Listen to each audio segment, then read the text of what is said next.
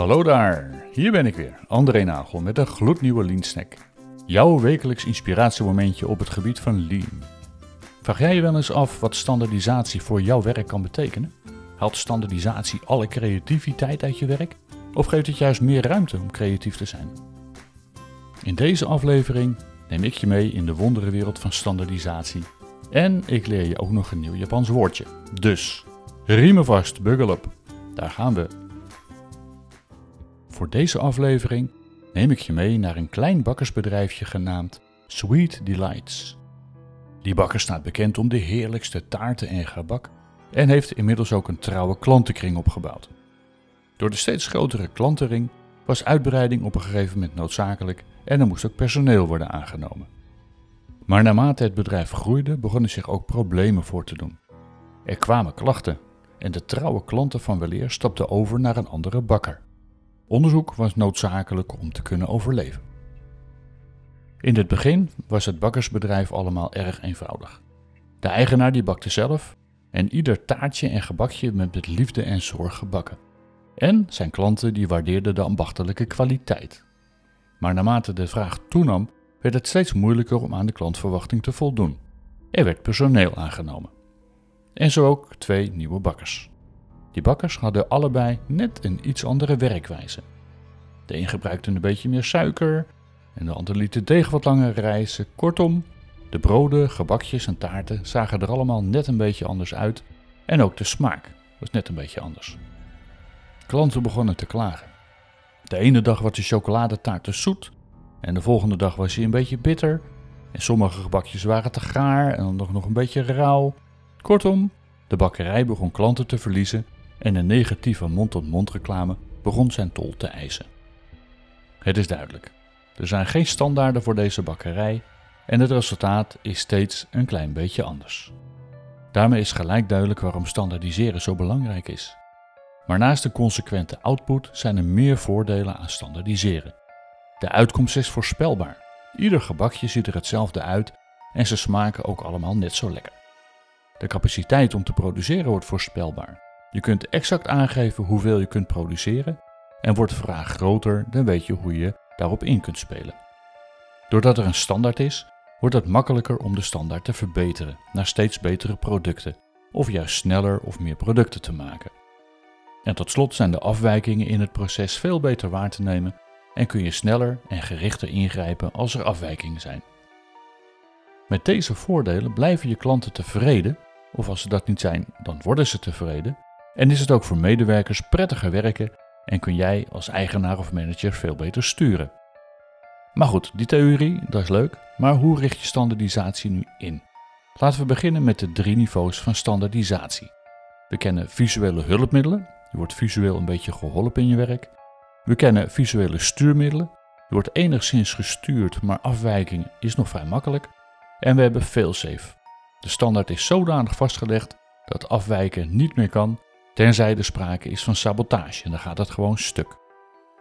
Laten we voor wat nadere uitleg weer even teruggaan naar de bakkerij Sweet Delights. Visuele hulpmiddelen.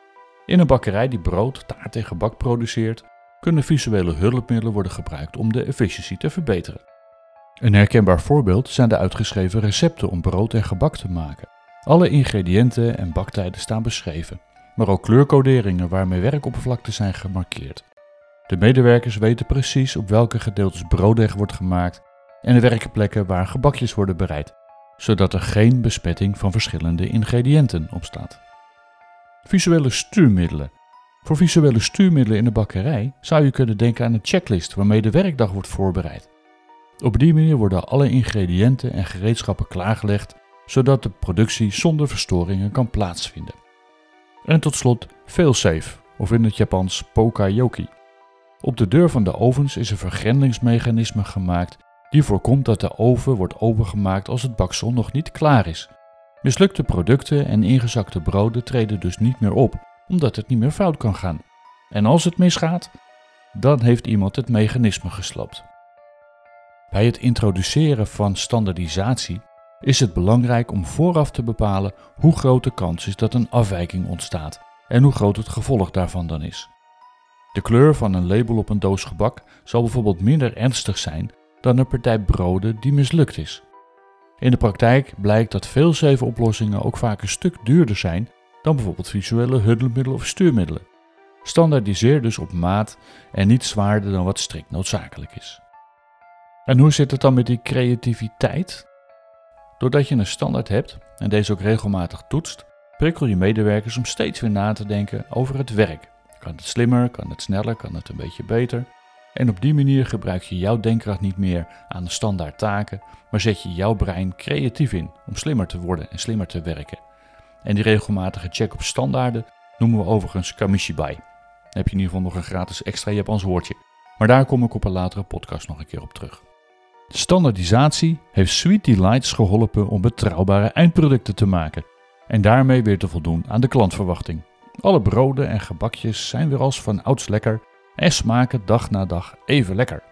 Maar nu is de kans klein dat jij zelf in een bakkerij werkt en is het de kunst om de standaardisatie van dit voorbeeld te vertalen naar jouw eigen werkomgeving. Maar laat deze aflevering jouw inspiratie zijn om standaard werkomschrijvingen, checklists te maken en te zorgen dat cruciale dingen niet meer fout kunnen gaan, zodat je jouw denkkracht kunt inzetten om nog creatievere oplossingen voor jouw klant te bieden. Bedankt voor het luisteren naar deze Lean Snack. Stem iedere dinsdag en donderdag af op deze korte Lean inspiraties. Vond je dit leuk? Vond je dit inspirerend? Abonneer je dan en plaats een leuke review op het platform waar je deze podcast hebt geluisterd. Daarmee help je anderen om ons te vinden en help je ons om nog meer mensen te inspireren. Voordat we afscheid nemen, nog even dit. Ben jij geïnspireerd geraakt door Lean en wil je graag de volgende stap zetten? Dan heb ik goed nieuws voor jou. Wij bieden niet alleen deze podcasts aan, maar hebben ook een scala aan diensten die jou helpen bij het implementeren van Lean in jouw wereld.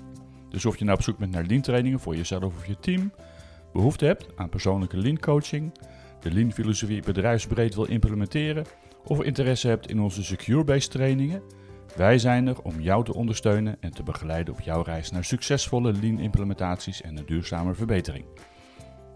Aarzel dus niet om contact met ons op te nemen. Meer informatie daarover vind je op leaniq.nl. Heb je daarnaast nog een vraag over deze podcast of een vraag voor deze podcast?